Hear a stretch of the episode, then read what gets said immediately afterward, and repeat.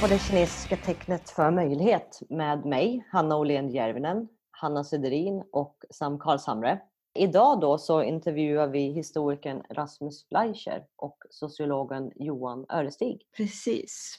Och de här två personerna är båda medverkande i Pronesis-numret om kris som kom ut 2016. Och vi kommer prata med dem om hur kapitalismen funkar och om dess eventuella ultimata kollaps. Men om vi börjar där med att ta fast eller spjärna då begreppet kris. Det betyder ju någonting i stil med att separera eller särskilja, enkelt formulerat. Och det var väl då först under 1600-talet som begreppet började på att få någon form av allmän spridning inom andra områden. Och Sen under 1700-talet så, så knöts det till den franska revolutionen och ja, för att hålla oss kort och resten kanske ni vet. Men eh, när folk i bred mening då pratar om, om kris så vänder de sig ofta till finanskrisen 2008 som ligger väl närmast i, i närminnet. Och eh, begreppet upptogs ju någonstans inom en ja, men bredare akademisk sfär då ungefär och blev på ett vis en del av den ekonomisk-politiska debatten.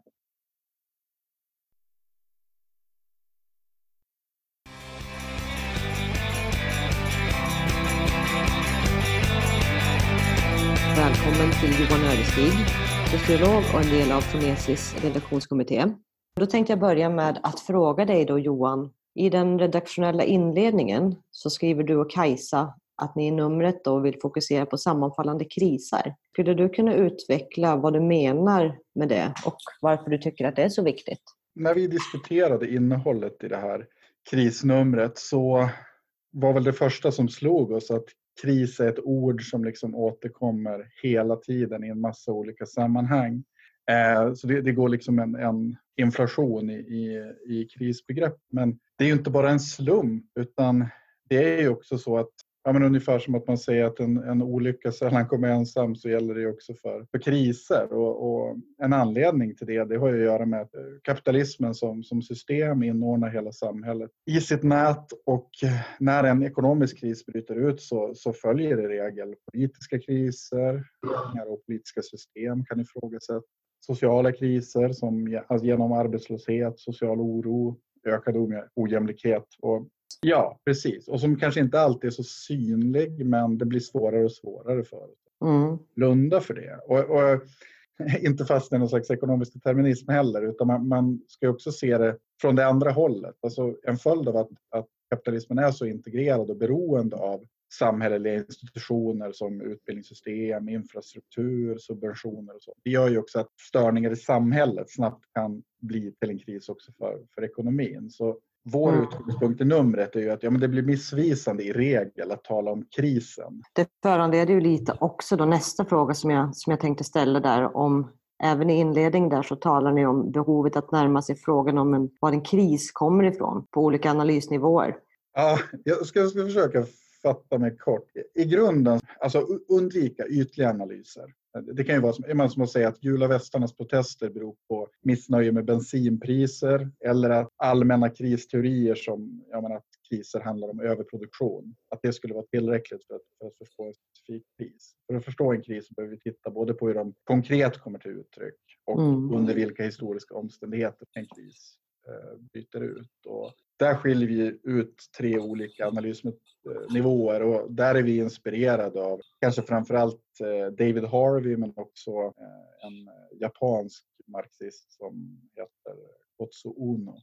Och på den mest allmänna nivån så pratar vi då om, om krisens generalitet och här kan man väl säga att jag menar, någon slags klassisk marxism spelar en, en huvudroll. Det, det handlar om att förstå alltså, vad är det i det kapitalistiska systemet som gör att det utvecklas cykliskt med, med återkommande kriser. Och det var ju i princip det som Marx försökte göra i kapitlet om pengar i, kapitalism, mm. äh, i första band. Alltså bara att visa att bara det faktum att pengar får den roll det har i ett, i ett kapitalistiskt system gör att krisens allmänna möjlighet, som, som Marx kallar det för, uppstår. Samtidigt så går det ju inte att bara hänvisa till den här typen av abstrakta teorier. Det är ju inte till så mycket hjälp för att förstå enskilda kriser och då, och då måste man komplettera det med, med ett historiskt perspektiv. Att se att menar, eftersom kapitalismen utvecklar sig i olika faser så kommer också kriser att se väldigt olika ut och då, då pratar vi istället om krisens periodicitet.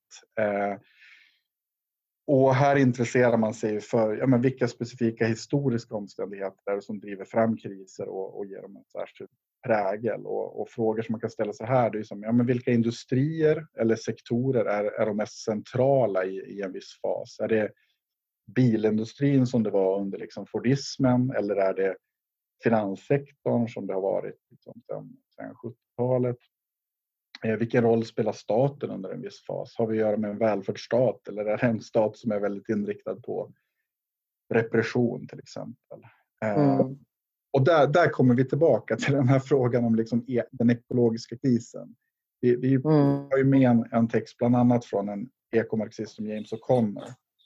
Eh, och där är ju liksom ett, ett grundläggande argument att kris idag inbegriper alltid ekologiska förhållanden. På ja, men effekten av rovdrift på natur och djur, det blir svårare att blunda för och slå tillbaka i olika former av liksom extrema väderfenomen, torka, översvämningar eller ja, men i det här fallet pandemier och eh, virus. Ja, precis. Om vi dimper ner nu i, i, i samtiden så på vilket sätt kan temanumret om kris bidra till en djupare förståelse om dagens coronakris? Eh, kanske för det första för att liksom flera texter i numret lyfter frågan så här, varifrån kommer kriser? En populär föreställning, alltså som, som jag skulle säga dominerar också ur något slags liberalt, det är att man pratar om kriser som exogena, alltså det, det är yttre förhållanden, yttre störningar. Det har inte att göra med liksom kapitalismens funktionssätt i sig utan kris orsakas av att någonting annat i samhället inte, inte fungerar. Men det kan man väl säga att de allra flesta texterna i, i vårt temanummer landar istället, alltså istället för ett exogent perspektiv så pratar man om, om ett endogent perspektiv. Att kris är något som genereras eller åtminstone är beroende av inneboende motsättningar, problem i det, i det ekonomiska systemet. Och, alltså, för egen del så tycker jag att det blir, det blir rätt bisarrt att prata om coronakrisen som, som en exogen kris. Alltså något som, mm. här, det, det, här är någonting som jag liksom har upptäckt först på senare hand men det finns en evolutionsbiolog som heter Rob Wallace som har skrivit en bok som heter Big Pharmix, Big Flu. Och, och där argumenterar han ur ett historiskt perspektiv att så här, ja, men virusepidemier som den vi ser idag, de är djupt rotade i liksom storskaligt högintensivt jord och skogsbruk som leder till att man tränger ihop arter på, på en liten plats och ofta under, under vidriga förhållanden. Och det är väl ett, ett bidrag som det här numret kan ge, att liksom visa hur den här typen av enskilda händelser ändå är produkter av mera bakomliggande förhållanden. Jag har en fråga till till dig här då. Är det någon specifik text i numret som du skulle vilja lyfta fram? Som mm. du tycker att man kanske bör läsa sig in på lite specifikt? Den text som jag kanske framför allt vill lyfta fram, det, den är skriven av statsvetaren och, och världssystemteoretikern Barry K. Gills. Och, och, i det bidraget så pratar han om, om liksom kris ur ett globalt perspektiv. Han sätter in finanskrisen 2008 i ett mer långsiktigt historiskt eh, perspektiv. Det här menar att ja, men mm. finanskrisen är ett uttryck för en, det han kallar för en ekonomisk överackumulationskris. Eh, det är det som har utlöst eh, den finansiella krisen och de bubblor som vi ser på bolånemarknaden är ju inte en orsak utan snarare ett problem eller ett symptom till det.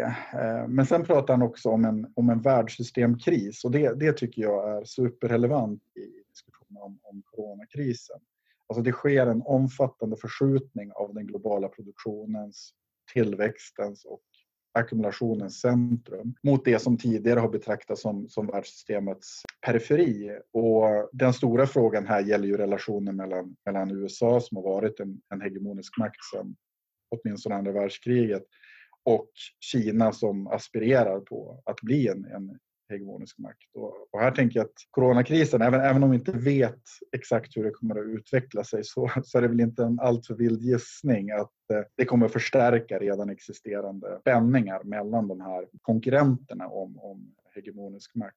Och sen mm. ytterligare en sak som jag tycker att Gills lyfter in på ett snyggt sätt. Det är att han pratar om att det, det också pågår en global civilisationskris. Och här är ju den grundläggande frågan så här, hur lever vi våra liv? Hur, hur, eh, eh, hur har vi vant oss att, att vår vardag ska se ut? Och i och med framförallt klimatförändringarna men också liksom allmänna miljöproblem så blir det tydligare och tydligare att vi måste ändra, ändra sätt att leva på. Och där kommer vi in på dagens, tycker jag, ganska förvirrade debatt om, om hur framtiden ser ut. Där vi så här, å ena sidan har domedagsprofeter som liksom förbereder sig på undergången och pratar om en återgång till något slags primitivt småskaligt jordbruk. Eller sådana som Bastani som, som pratar om framtiden som helautomatisk lyxkommunism. Det, det är liksom helt eh, motstridiga idéer om, om hur framtiden ska se ut. Men det är ett uttryck kan man säga för den här globala civilisationskrisen som, som Gills pratar om. Så det... Mm. Men eh, tack så jättemycket Johan för att du tog dig tid och ville vara med. Tack, roligt att vara med.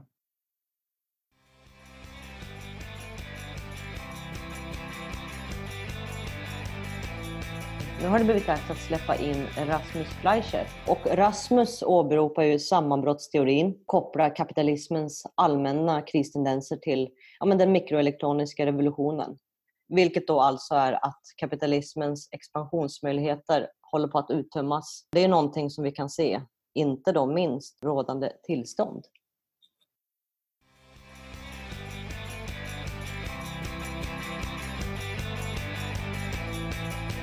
Hej då Fleischer! Vem är du? Jag är verksam som forskare i ekonomisk historia vid Stockholms universitet och har också skrivit lite både inom det akademiska och utanför det akademiska där jag bland annat har intresserat mig en hel del för krisfenomen av olika slag, hur de hänger ihop och så kan man säga. Din text beskriver då olika teorier där tesen är att kapitalismens utveckling leder mot kapitalismens oundvikliga kollaps som system. Kan du berätta lite om hur de här teorierna eh, funkar? Precis. Tanken på en oundviklig kollaps är ju lite, eh, kan ju provocera lite. Både bland marxister och bland andra. Delvis kanske för att man ofta kanske tolkar in lite för mycket i den där oundvikliga kollapsen. Ofta tänker man sig att en oundviklig kollaps automatiskt skulle leda till att det kommer någonting bättre i det istället. Så till exempel socialismen. Det är inte det riktigt jag skriver. Utan utgångspunkten är att kapitalismen är ett historiskt fenomen som har en, en början och ett slut. Och mellan början och slutet så kan man rita upp en kurva, ungefär som de här bekanta pandemikurvorna som vi ser överallt nu. Det är en uppgång och sen någon slags eh, kulmen och sen är det en, en nedgång. Och eh, vad som sen kommer efter kapitalismen, det är eh, fortfarande en öppen fråga ur det perspektivet. Så visst är det så att om man läser kommunistiska manifestet av Marx och Engels till exempel, där finns ju den här historiska schematiken att eh, efter kapitalismen kommer socialismen som banar väg för kommunismen. Eh, men det är inte riktigt det som det här kristeoretiska perspektivet handlar om. Utan det utgår ju snarare ifrån, från analysen i kapitalet, kapitalistiska produktionssättet, inneboende motsättningar. Och utifrån man vill, som naturligtvis kan tolkas på olika sätt och eh, kapitalismens förmåga att liksom förnya sig och eh, ständigt hitta nya vägar att fortsätta sin tillväxt. Det finns ju olika synsätt på det. Men jag tycker nog ändå det är relevant eh, och jag, jag eh, knyter ju an då till vissa diskussioner som framförallt har förts i bland tyskspråkiga världen och specifikt av de som kallat sig för värdekritiker. Alltså att det är relevant att ändå se till den här långa processen som, som i slutändan ändå i någon logisk mening med, leder till kapitalismens kollaps. Och då måste man ju fråga sig vad, vad en sån kollaps betyder, vad, vilka tidsperspektiv vi rör oss inom.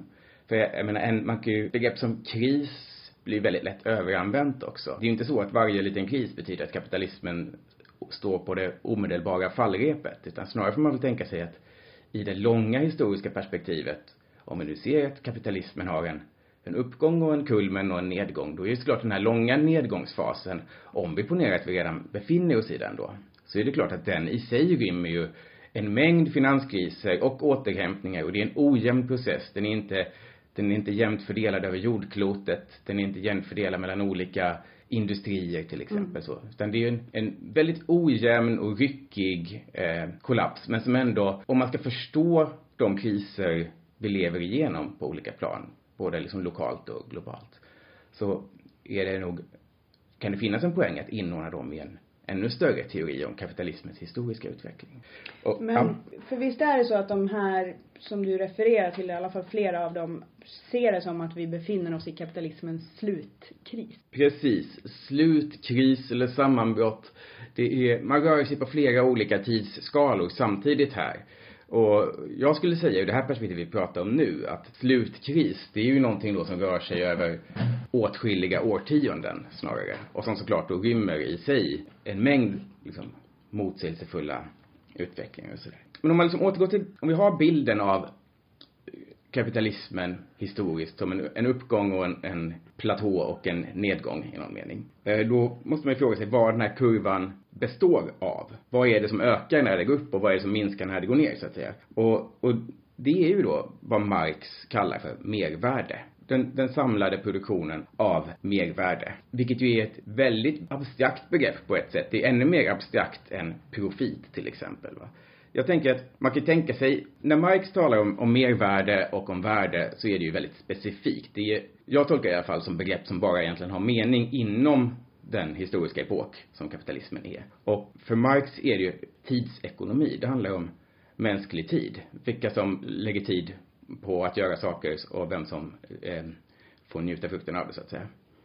Eh, så mervärde handlar i grunden om kapitalets förmåga att uppsluka mänsklig tid. Och eh, man kan ju också jämföra med virus här egentligen eftersom det ligger i tiden. va. alltså, precis som att virus då till skillnad från bakterier, de besitter ju inget eget liv. Utan det är ju bara en sån, det är egentligen bara ett litet stycke genetisk kod som för att kunna mångfaldigas måste ta hjälp av levande celler. Och lite på samma sätt funkar ju det Marx kallar kapitalet. Kapitalet finns liksom inte på egen hand utan det är bara värde i rörelse. För att kapitalet ska växa och för att det i längden ska kunna överhuvudtaget existera så måste det hela tiden ta hjälp av mänskligt arbete. Det måste suga i sig, det måste ta kommando över mänskligt arbete liksom. Det, det, det är en ganska rolig parallell, men den är, den är liksom inte helt eh, oträffande. Så kapitalet är beroende av mänsklig arbetskraft. Och sen skillnaden då mot virus möjligen, det är ju att kapitalet då rymmer det man kallar en, en inneboende motsättning. Och där blir det ju såklart ganska filosofiskt och abstrakt. Och det, det, det har tolkats på olika sätt. Men eh,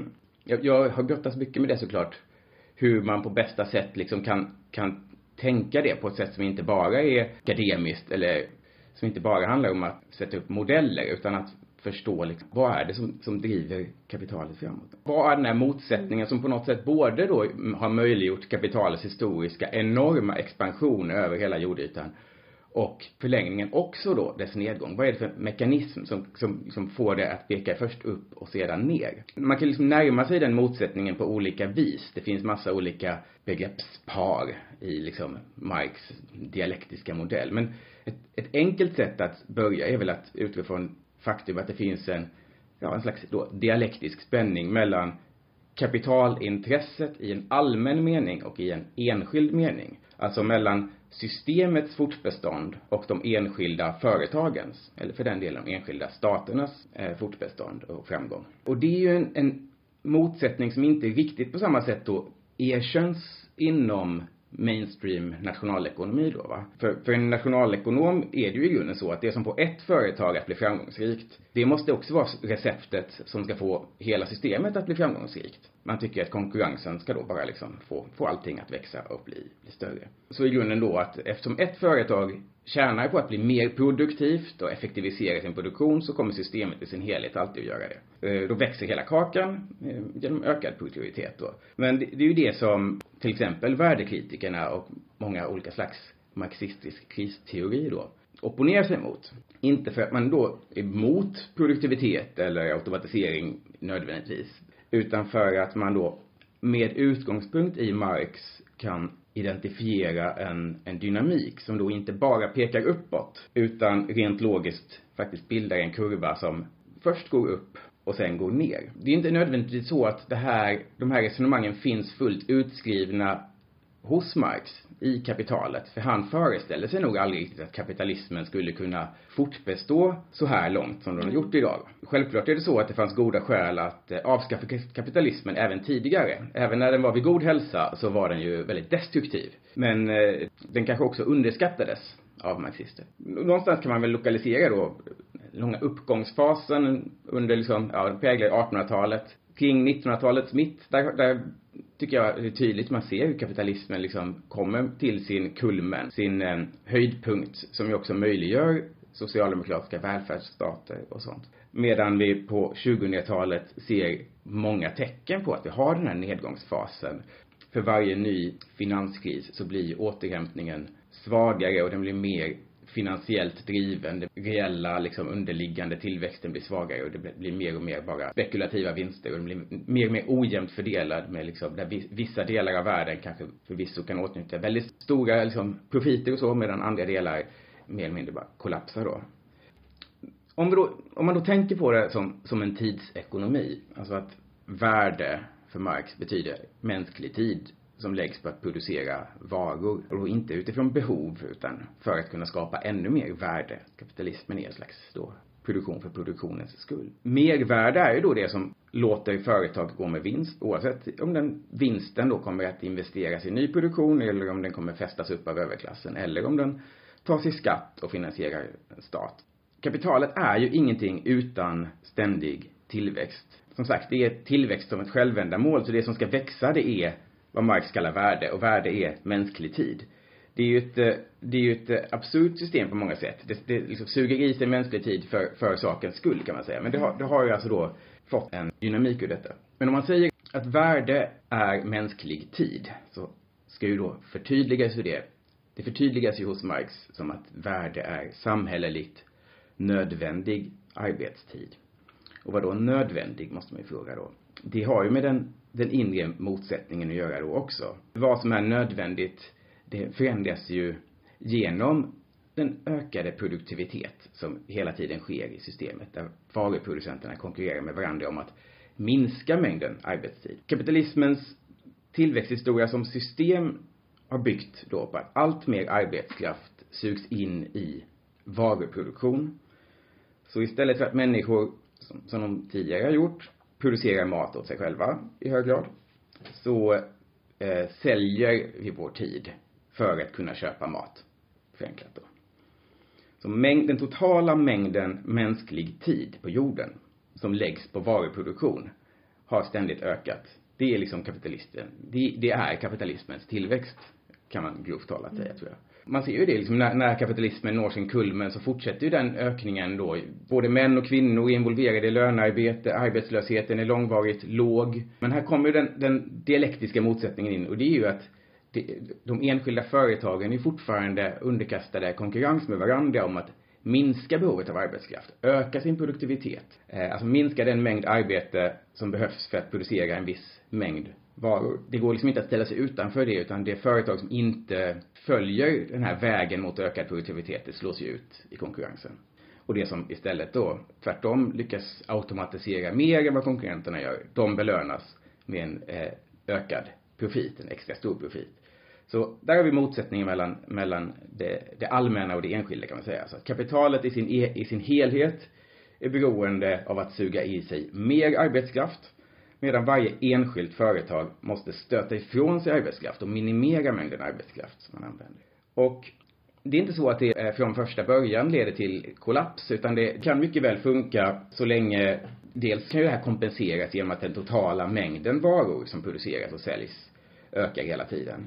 Till exempel då när kapitalismen expanderar över jordens yta och suger i sig större population eh, och liksom, människor som dessförinnan producerat sina egna livsmedel mm. slutar göra det och, och eh, dras istället in i ett varubaserat system. Och man kan ju också se det i västvärlden till exempel hur vi under 1900-talet liksom fyller vår fritid med nya typer av nöjen det man har kallat kulturindustri till, som också handlar ju om att sådant som tidigare inte har haft varor får varuform.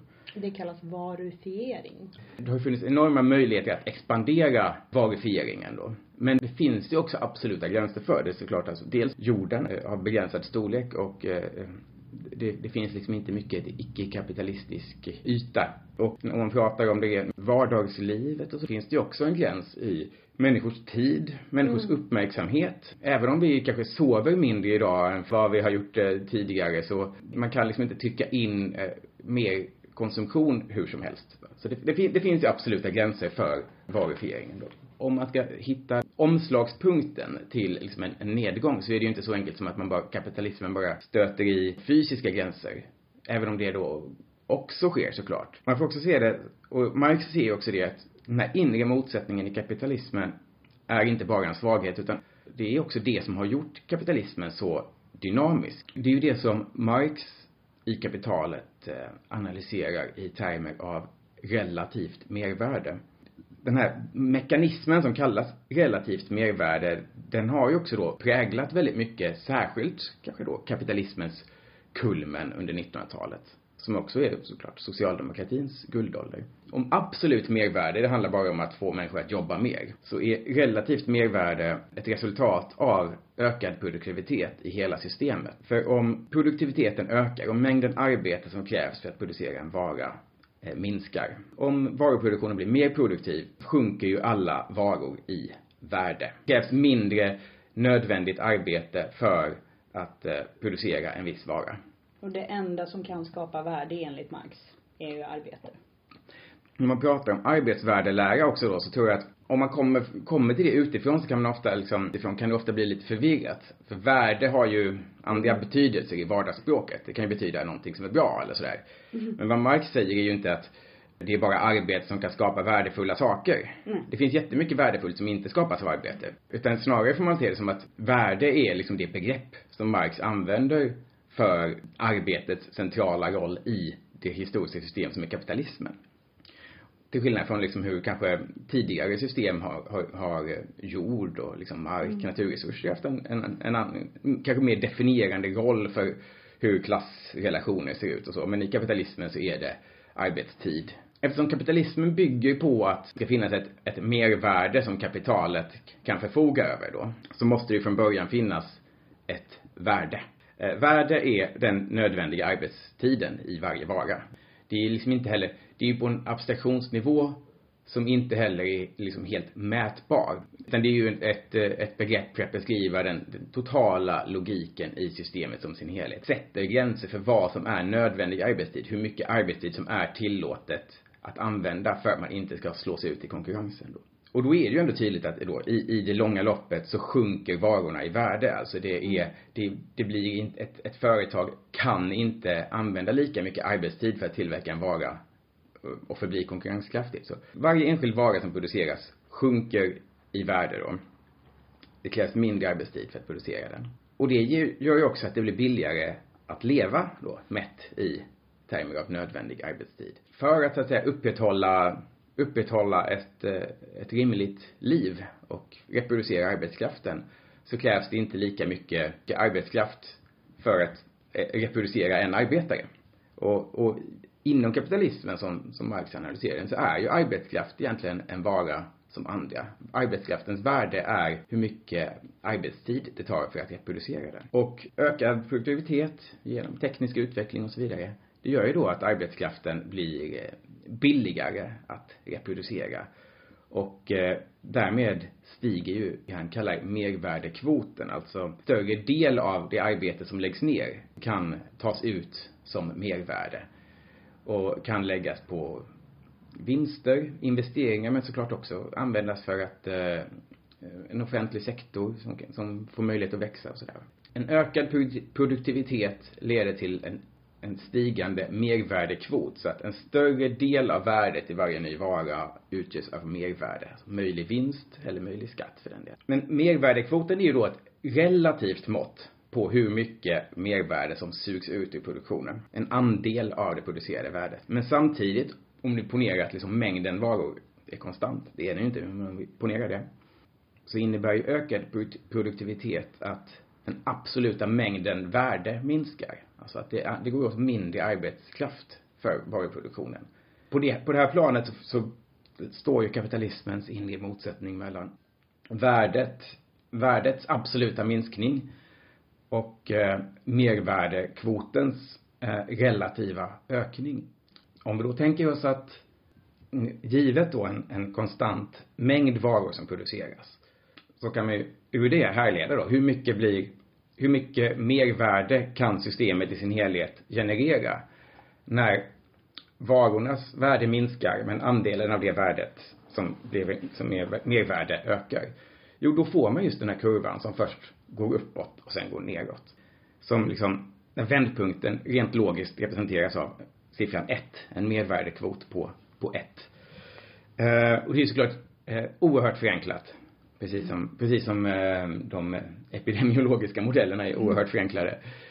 Men om man ser till kapitalismen i det långa historiska perspektivet så tycker jag ändå det är svårt att, att liksom förneka att det finns den här dynamiken av en, en fas där det går uppåt och en fas där det går neråt. Det är absolut inte alla marxister som håller med om det. Väldigt många håller verkligen inte med om det, ska jag säga. Marx skrev aldrig om det här. Sen levde ju han i en annan tid. Alltså kapitalismen som, som produktionssätt, det är ju detsamma. Men eh, han kunde ju inte föreställa sig att det skulle gå eh, så här långt. Hans, när Marx räknar till exempel på liksom produktivitet, och, eller, på mervärdekvot till exempel då, då är ju inte han i närheten av att, det, eh, av att liksom räkna på ett samhälle som är så här produktivt som vårt samhälle är. Så att det finns också en risk att man fastnar på på den mest abstrakta nivån. Sen, sen, måste man ju försöka koppla det här till vad vi faktiskt lever i, vad vi ser omkring oss. Det är ju det som är den spännande utmaningen, den här liksom, ja, förmedlingen eller vad man, vad man brukar prata, säga liksom i så här, dialektiska termer. Så hur, hur, hur hänger det här, de här stora abstrakta globala nivån samman med det vi ser omkring oss? Många marxister och eh, kritiska tänkare influerade av Marx då som ändå är överens om att det finns någonting i den ökade produktiviteten som förstärker en, en allmän kristendens i mm. kapitalismen. Jag tänker helt enkelt att när, när man, om man ser kapitalismens liksom upp och nedgångskurva så handlar det ju i slutändan om att på vägen ner så blir en, en allt större del av mänskligheten, krasst talat, överflödig ur kapitalets synvinkel. Den, eh, kapitalet har inte längre nytta av den. Inte ens eh, som liksom eh, reservarmé för att hålla nere lönerna, utan kapitalet producerar en växande överflödsbefolkning. Och det är ju det som är det fruktansvärda, att det här, den här, det som för kapitalet är en överflödsbefolkning, människor som inte får möjlighet att leva ett, ett anständigt liv. Det är ju också ett potentiellt överflöd som skulle kunna realiseras som, som fri tid, som minskad arbetstid och som inte behöver realiseras som att vissa jobbar ihjäl sig och andra, och andra svälter. Eh, kapitalismen kan bara realisera det minskade behovet av, av arbetskraft på det här polariserade sättet. Det, I mitt huvud så kommer ju Marx in här och säger att anledningen till, eller, eller hans idé om varför kapitalismen ersätts eller kollapsar mm. är ju att människorna inte längre tycker att den försörjer ja. dem mm. tillräckligt bra. Ja. Och det är ju en intressant del av artikeln tycker jag som du har skrivit att mm.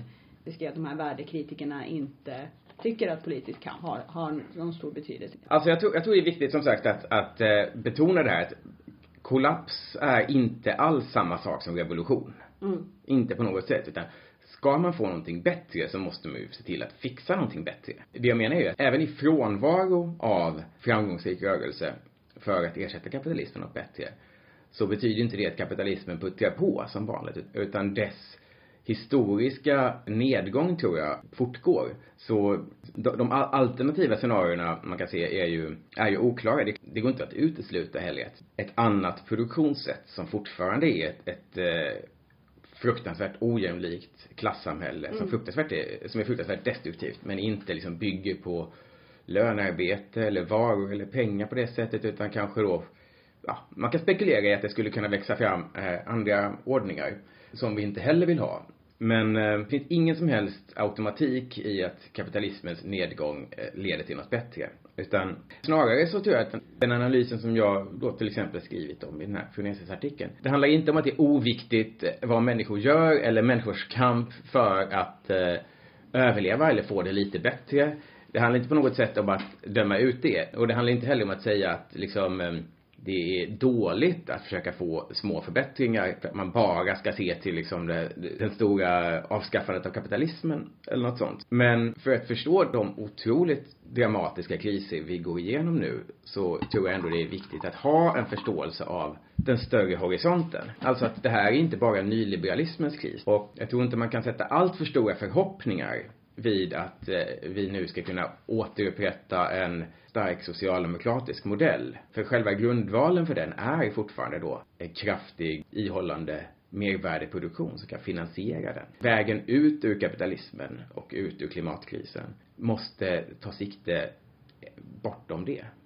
Nej men jag, det, det är jättesvårt. Det, det, det är jättesvårt men jag, jag är övertygad om behovet av att ta sikte på ett samhälle där, som inte hålls samman av pengar. Mm. Och som inte hålls samman av lönearbete och där det inte finns någonting som säger att, att eh, sjukvård ska vara en kostnad men att eh, fastighetsmäklare ska vara mm. en vinst.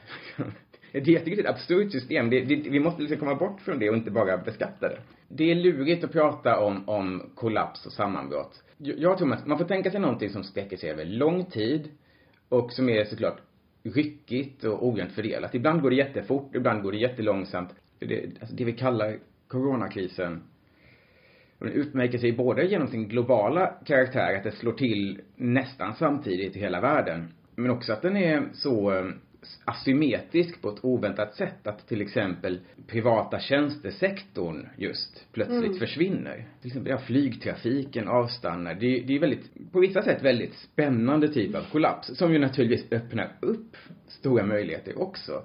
Gen, ja, men just för att allting sker så plötsligt så blir det liksom självklart att man får prata om vad som är samhällsnyttiga arbeten mm. och därmed vad som inte är det. Det är ju något av det mest fascinerande tycker jag.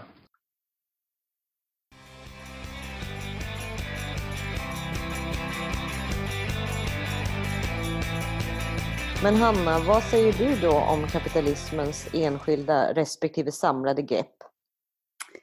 Ehm, ja, jag tänker, eller jag fastnar för det här som Rasmus Fleischer säger om att det som är bra för en kapitalist inte nödvändigtvis är bra för kapitalismen och vice versa. Och det här hur underskattad och på många sätt tycker jag missförstådd kapitalismen är.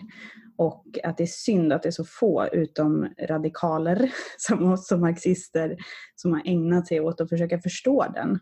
Mm. Eh, och med underskattad så menar jag det som Rasmus Fleischer säger om att Marx texter inte ser framför sig att eh, kapitalismen och produktiviteten kunde utvecklas så här långt.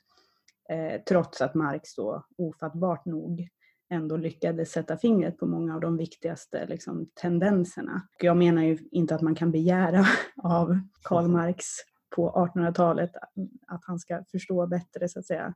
Tvärtom så tycker jag att det är fascinerande att han begrep sig på kapitalismen när den var ändå så ny och outbyggd som den var.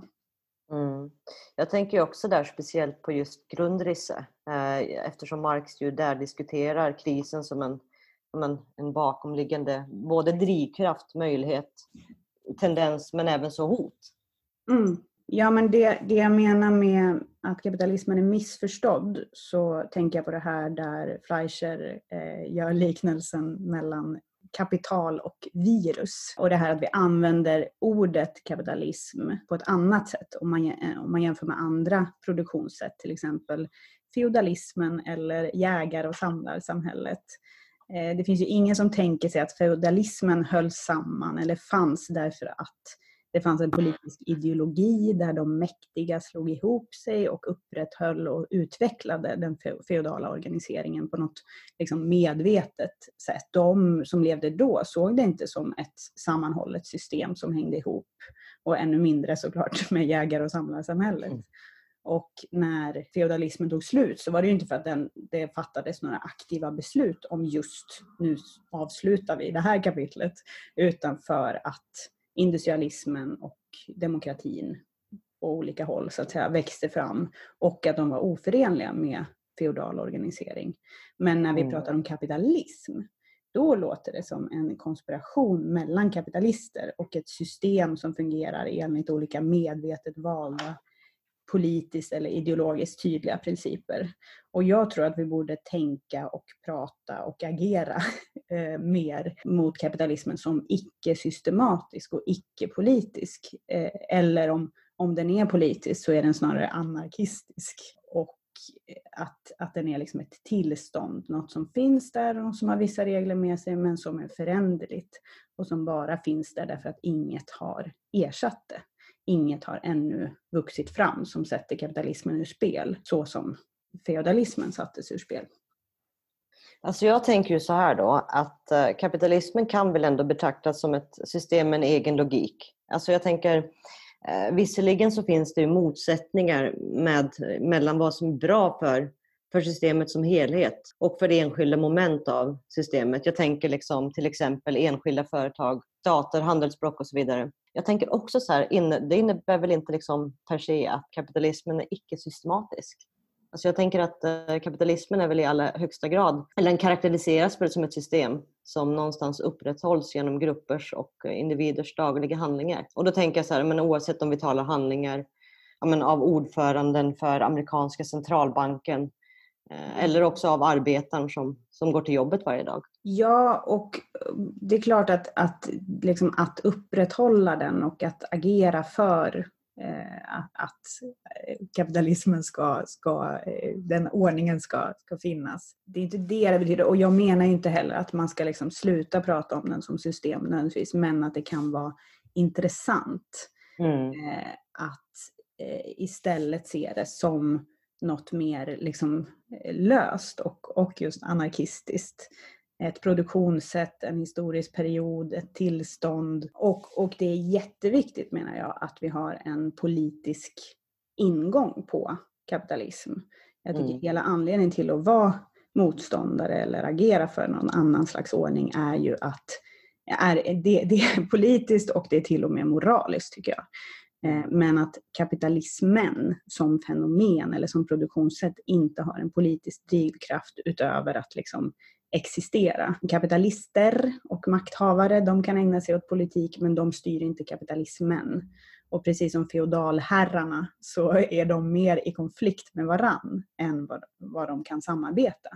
Därmed är inte sagt att de inte samarbetar eller eh, så, men jag tänker till exempel på hur Trump och hans handelskrig med mera vänder mm. upp och ner på det nyliberala och politiska projektet och att det finns massor av kapitalister som förlorar på det. Men för kapitalismen är det inga problem för det kommer ritas en ny karta och den funkar lika bra. Mm. Ja, jag instämmer. Jag tänker också att det finns ju olika anledningar som man kan vara, men utöver de du där nämner, liksom, att man är motståndare till kapitalismen av politiska och moraliska anledningar. Men eh, man kan ju också vara eh, motståndare med ja, men typ estetiska eller av religiösa skäl. Och, eh, eller kanske rent av personliga. Jag tänker någon form av liksom, nästan så här platonskt vis. Men jag tänker liksom så här, det första som kom to mind liksom var någon form av eh, hur man betraktade och hur man förhöll sig liksom under antiken. Och då blir det på så vis utgör det någon form av estetisk hållning. Men jag tyckte det var spännande för jag har ju en ingång ofta som är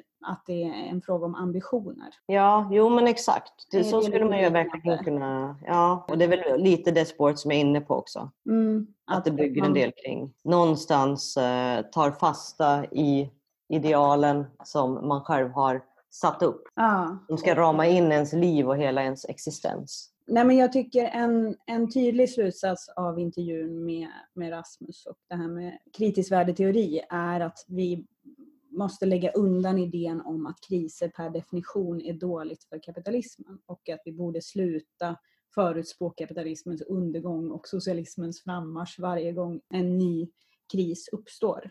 Och att om någonting så, eller, ja, vi måste inte värdera det, men, men en tolkning är att kriser helt enkelt ger kapitalismen och kapitalet en chans att omorganisera sig, hitta nya strategier. Eh, och det kan man ju säga går åt båda håll, att det är också en möjlighet för oss som vill någonting annat att, att hitta nya strategier, men det är inget nödvändigt samband.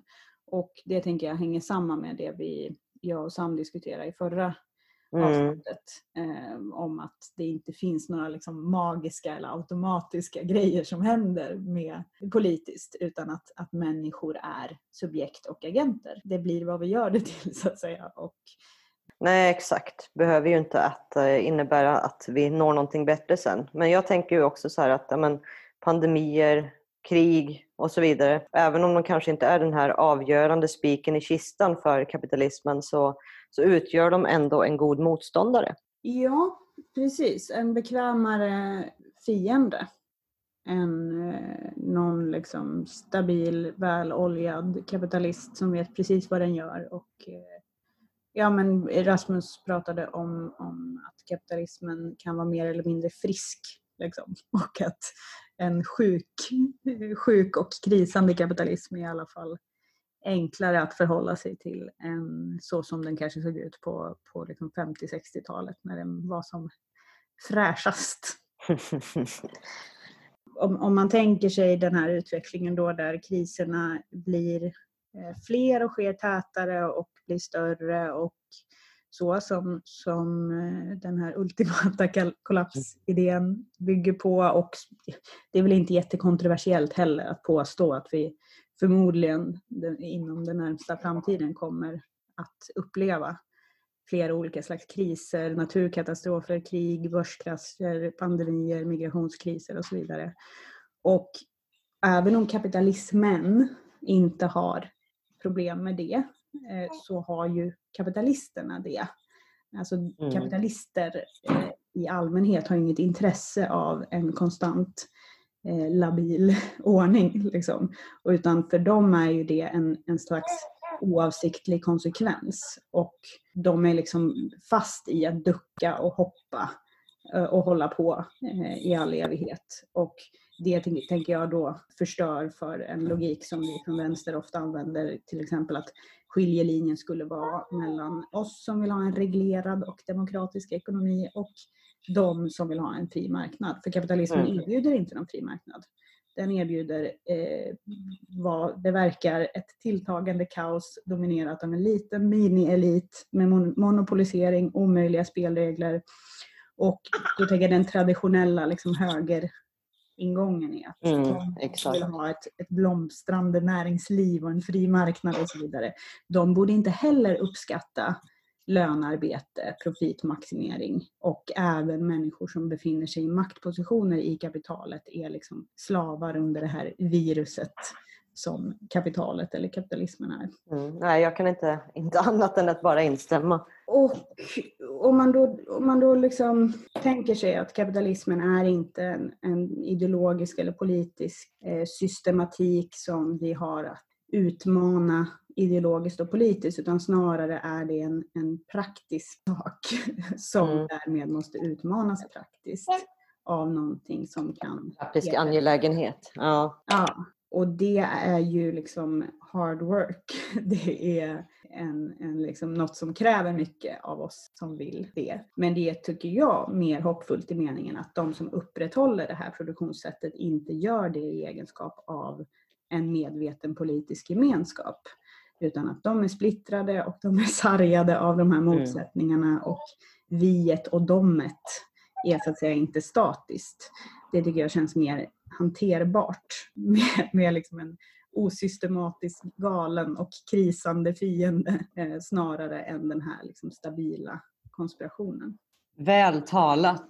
Nu kom mitt barn hem också. Tack Hanna Sederin. Jag tycker du summerar det väldigt bra. Eh, och jag tänker också någonstans att det här är ju liksom en del av ett större projekt så att eh, vi vi fortsätter ju att undersöka det här och i av, nästa avsnitt så kommer vi att prata mer om, vad kommer vi att prata mer om Hanna? Eh, ja, vi får se exakt vilket tema det blir då men det vi har planerat för är ju bland annat att prata om automatisering och prata eh, filosofi och prata eh, den nya liksom, feministiska skiljelinjen om man säger så apropå det här i, i genusdoktrinen, heter det så? Nej? Mm, jo, men det heter den. Uh, Arpi-boken. Ja, som ni märker så är det inte någon brist på poddidéer och planerade program. Så ni får fortsätta följa oss och tack för att ni lyssnade idag. Ja, och vi ska säga att den här podden ges alltså ut av tidningen Flamman och i samarbete då med Centrum för marxistiska samhällsstudier som jag, Hanna Sederin, är sekreterare för, tidskriften Fronesis som du, Hanna Åhlén Järvinen, är sekreterare för. Lyssna på oss i Spotify, eller på Spotify säger man kanske? Ja, eller någon annanstans där poddar finns. Och det jag ska säga också är att vi kommer ju publicera ett en oklippt så att säga, version av intervjun med Rasmus därför att den är väldigt mycket längre än vad som finns med i det här avsnittet. Exakt. Så det kan ni se fram emot om ni är nyfikna på den här, det här viruset, den osystematiska, galna och krisande kapitalismen. Tack för idag! Ja, men tack Musik. för idag. Musik av Mattias Alkberg BD och illustration av Elin Morin.